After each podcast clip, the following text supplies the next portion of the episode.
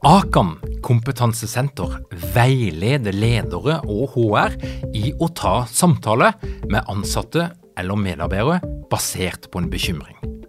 Akan setter ledere og medarbeidere i stand til å forebygge og håndtere en problematisk bruk av alkohol, narkotika, legemidler, spill eller doping blant ansatte. Ønsker du å lære mer om god forebygging og gjennomføring av samtale med en som du er bekymra for? Da kan du nå få tilgang på Akan sitt digitale samtalekurs til spesialpris, kun 760 kroner. Målet med kurset er å gjøre deg tryggere i det som kan være en krevende, men viktig samtale å ta i lederrollen. Du får tilgang til kurset med å gå til samtalekurs.no, samtalekurs.no, og bruke kampanjekoden LEDERPODDEN. Tilbudet gjelder ut april.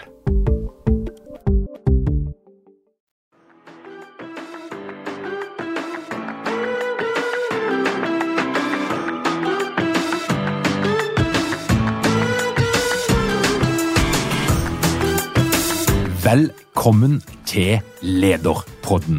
Mitt navn er Tor Åge Eikerapen. Jeg jobber som organisasjonspsykolog, og dette her er en podkast om ledelse. Kjenner du at du får lyst til å stikke av når du er på konferanse og hører den lystige, ekstroverte konferansieren melde at nå er det tid for å mingle? Snakk med de du kjenner minst. Eller blir du uvel når du ser en invitasjon i innboksen med overskriften Julemingling? I så fall så er denne episoden dedikert til akkurat deg. Før jeg snakker om hva jeg ikke liker for noe knytta til mingling, så må jeg jo òg si noe om hva jeg liker, for jeg nekter å bli putta i en kategori der jeg enten skal være ekstrovert eller introvert. Og Derfor så må jeg være tydelig på at noe av det jeg liker best med å være psykolog, det er at det gir meg mulighet til å bli ordentlig kjent med nye folk lange, gode samtaler, gjennomgang av personlighetstester som åpner opp for spennende samtaler om hvordan folk er skrudd sammen, og hvilke erfaringer de har med seg, og som gjør de til de folkene de er. Jeg mener òg at det er ganske privilegert som får den tilliten og får lov til å møte folk av og til når de er på sitt mest sårbare. Det er utrolig lærerikt, og jeg kommer tett inn på folk, og for meg så er det noe som gir meg en utrolig stor verdi i livet og på jobben. Og av og til så får jeg lov til å følge folk over tid. Jeg får lov til å se at ting blir bedre, at livet faller på plass, og da er det kanskje noe av det mest meningsfylte jeg kan være med på. Men så liker jeg òg å snakke med taxisjåfører. Ja, jeg gjør det.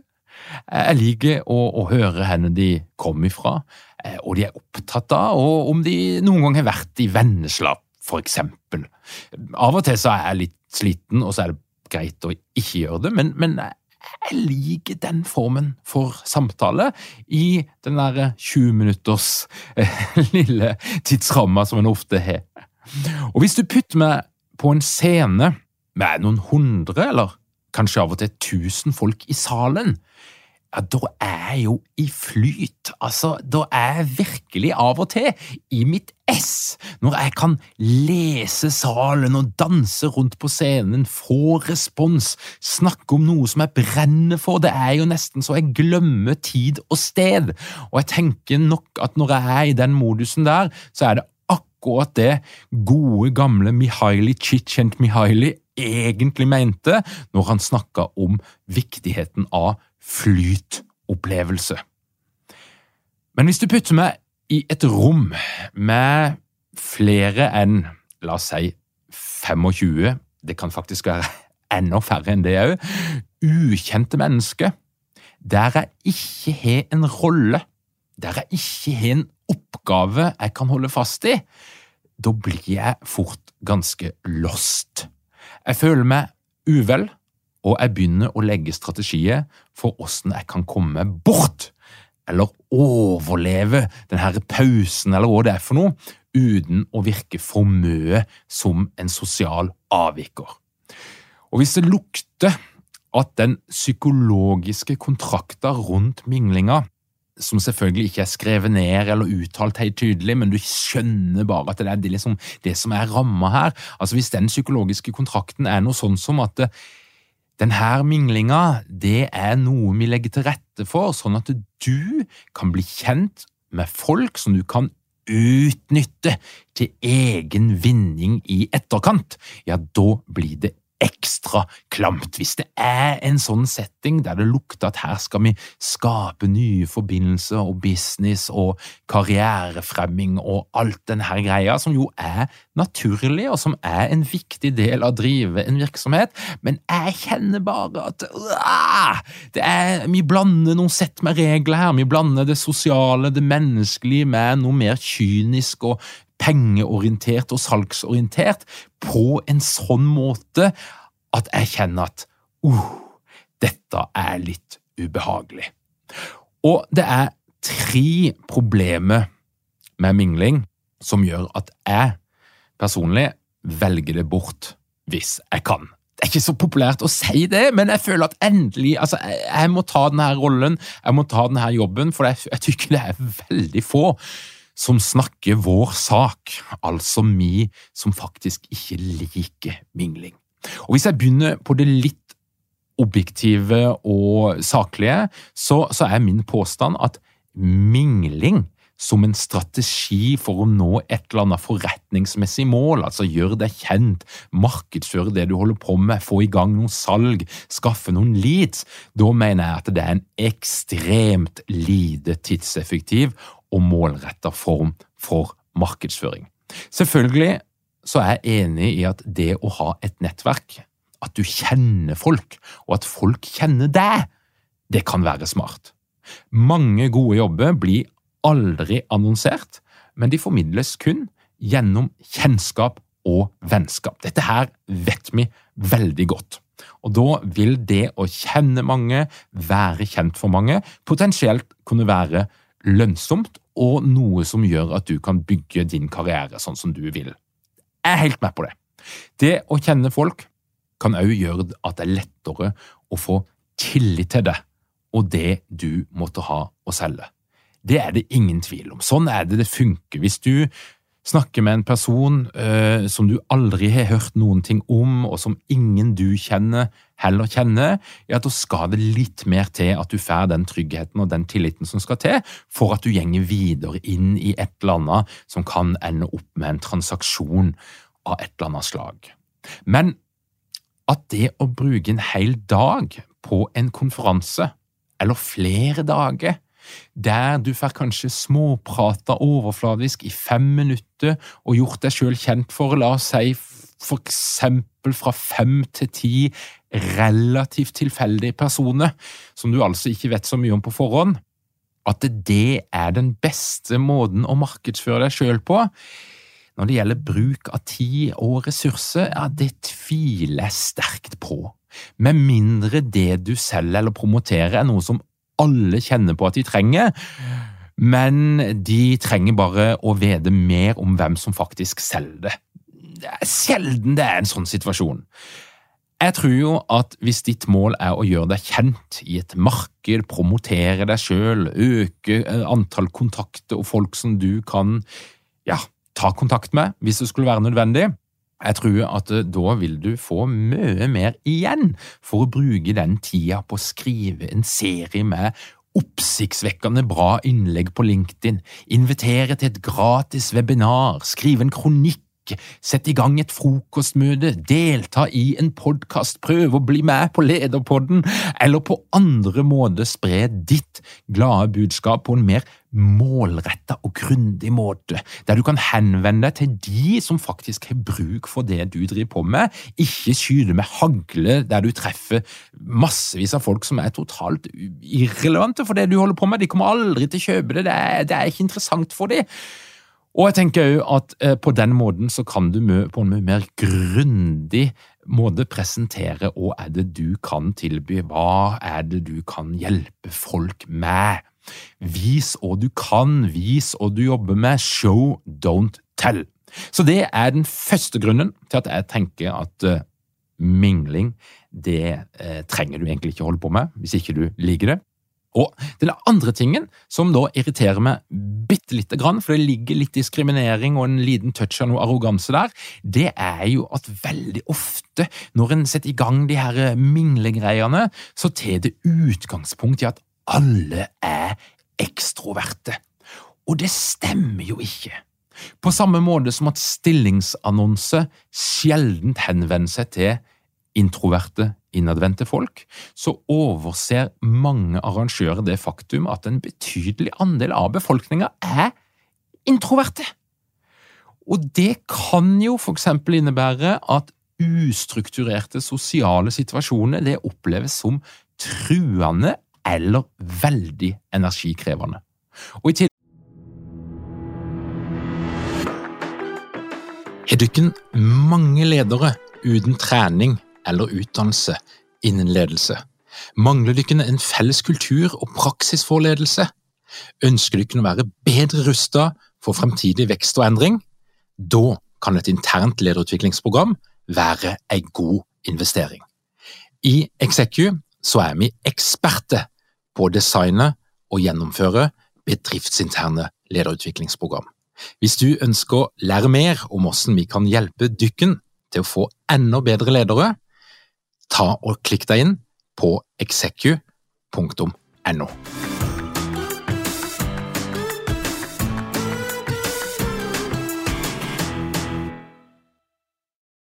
så er det mange av oss, og jeg tror jeg er på vei til å definere meg sjøl som en sånn type, som er altså såkalt ambiverte. Det er et litt uh, kult ord. Og, og, det betyr altså at vi har noen sterke ekstroverte trekk, men vi har òg tydelige dragninger mot det introverte. For eksempel kan det være at vi trenger en god del alenetid for å ha det bra og kose oss noe enormt med det, og mistrives i minglesituasjoner, samtidig som vi kan briljere stort på andre sosiale arenaer og derfor feilaktig bli vurdert til å være ekstremt ekstrovert. Og Dette her gjør det jo litt vanskelig for oss, for vi liker jo de her rene, enkle kategoriene der du enten er introvert eller ekstrovert. Men når det blir litt mer kompleks, så er det litt vanskeligere å forholde seg til, men verden er altså mer kompleks. Og sånne folk som er da, vi trenger jo da struktur og tydelig oppgave for å være den beste utgaven av oss sjøl i sosiale situasjonen der det er mange folk som ikke en kjenner eller har noen relasjon til.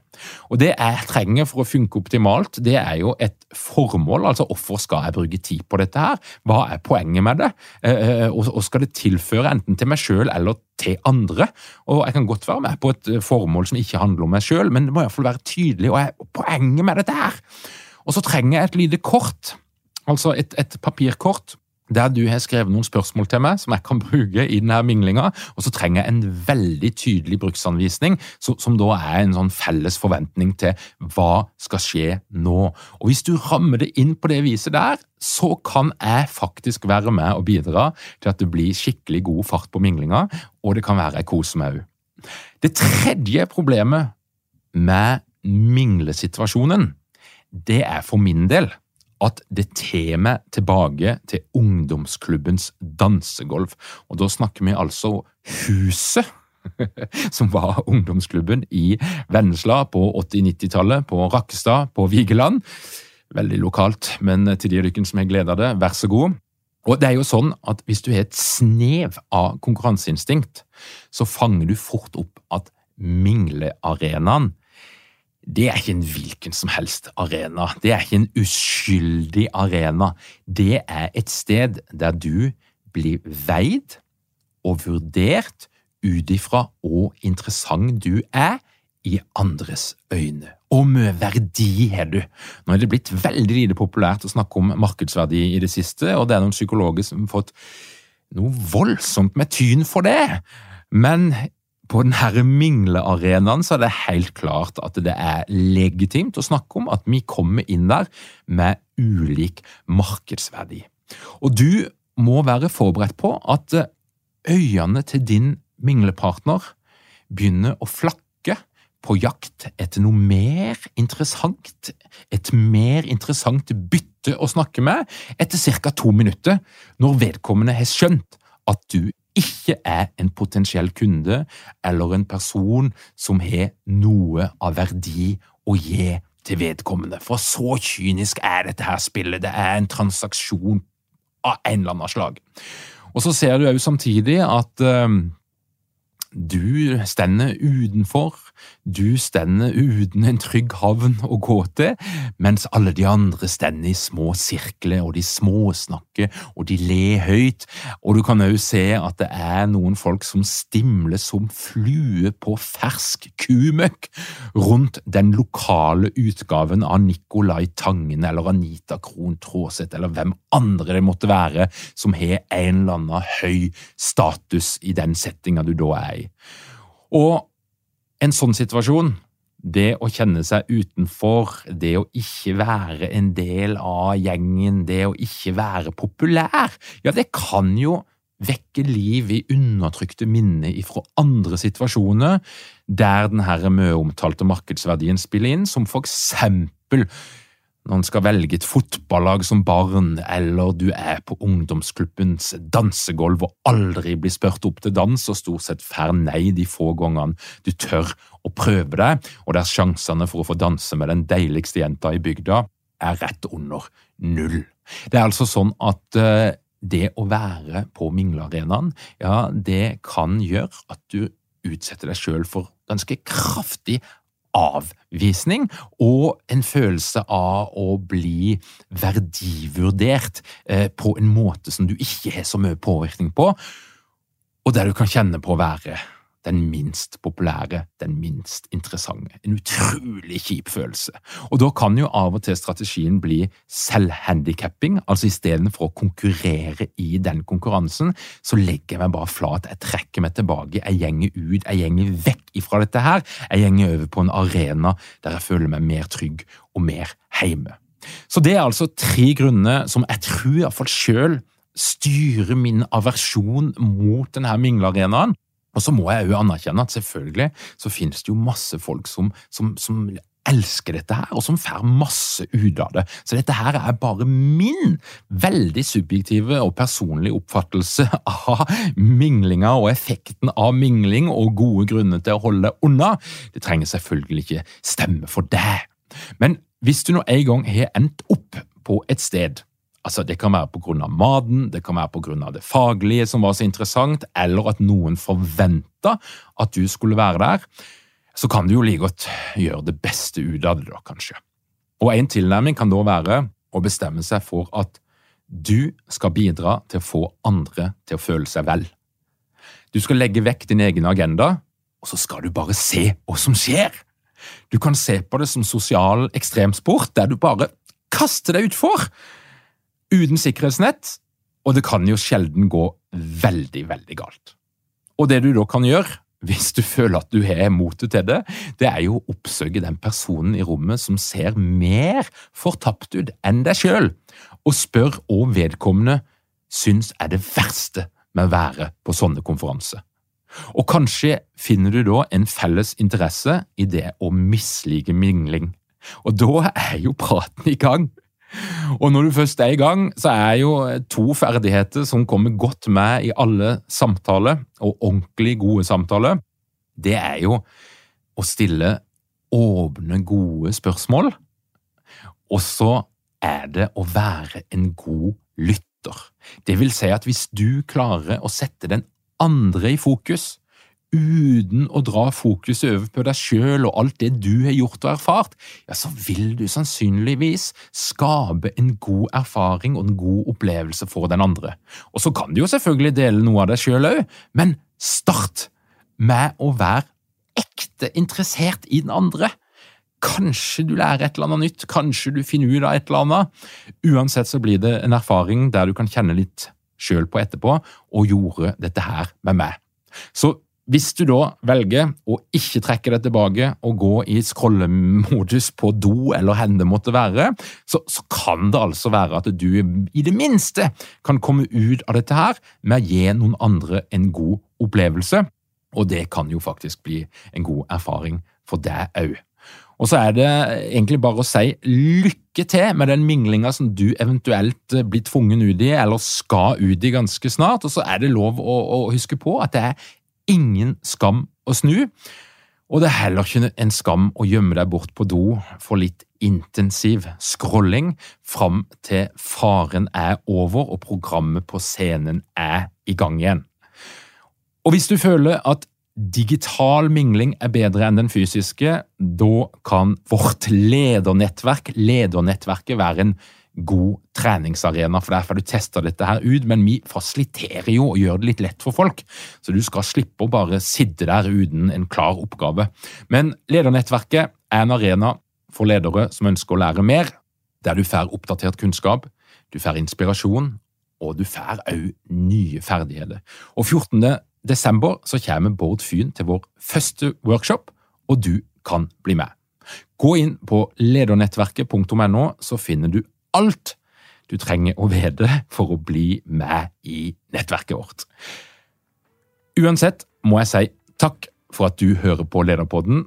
Ønsker du å holde deg oppdatert på alt vi finner på, ja, da kan du legge igjen e-posten din på lederpodden.no. Bare gå inn der og trykk på den rette knappen. Da får du vårt ukentlige nyhetsbrev rett i din innboks, og du er med i loopen. Jeg ønsker deg ei veldig god uke. Vi høres snart igjen. Og igjen, takk for at du hører på Lederpodden.